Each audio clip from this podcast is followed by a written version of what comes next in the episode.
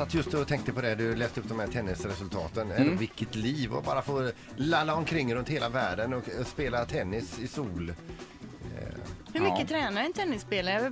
När man väl har lärt sig den perfekta serven, går det att träna på något mer då? Du, ja, det får man verkligen göra.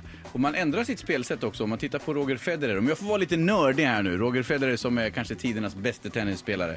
Han, eh, han ändrar sitt spel ganska mycket och så han börjar samarbeta med Stefan Edberg. Och den stora skillnaden då vad gäller Federers spel, det är att han går mycket närmare nätet när han spelar volley. Han är oerhört mycket bättre på att täcka nätet. Han kanske inte slår en bättre volley, men han är snabbare där framme och täcker en större yta. Okej. Så nu vet du. Mm. Men alltså, vad, vad heter centercourten som ligger i New York? Den ligger väl under jord? Heter inte? Eh, den, ja, nu tappar jag det. Anna. Nej, jag eh, tänker också i fibrilt här. Ja, Nej. Men, men, men tänk ändå vilket, vilket eh, skönt liv och kunna... Flushing Meadows.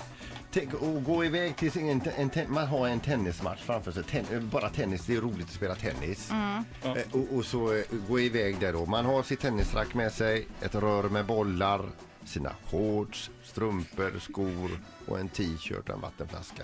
Man går där på New Yorks gator, lallar, man går in och tar sig en kaffe. Centercourten, går in där. Det som mest kan hända är att du får lite grus innanför strumpan under en match. Du vinner, du förlorar, du går hem igen.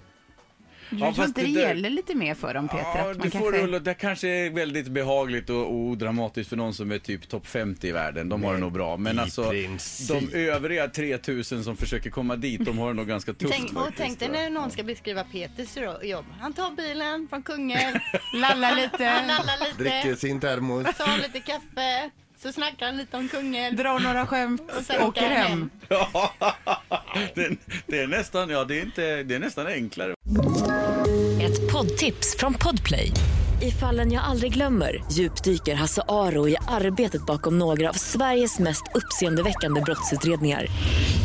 Går vi in med hemlig telefonavlyssning och, och då upplever vi att vi får en total förändring av hans beteende. Vad är det som händer nu? Vem är det som läcker? Och så säger han att jag är kriminell, jag har varit kriminell i hela mitt liv men att mörda ett barn, där går min gräns. Nya säsongen av Fallen jag aldrig glömmer på Podplay.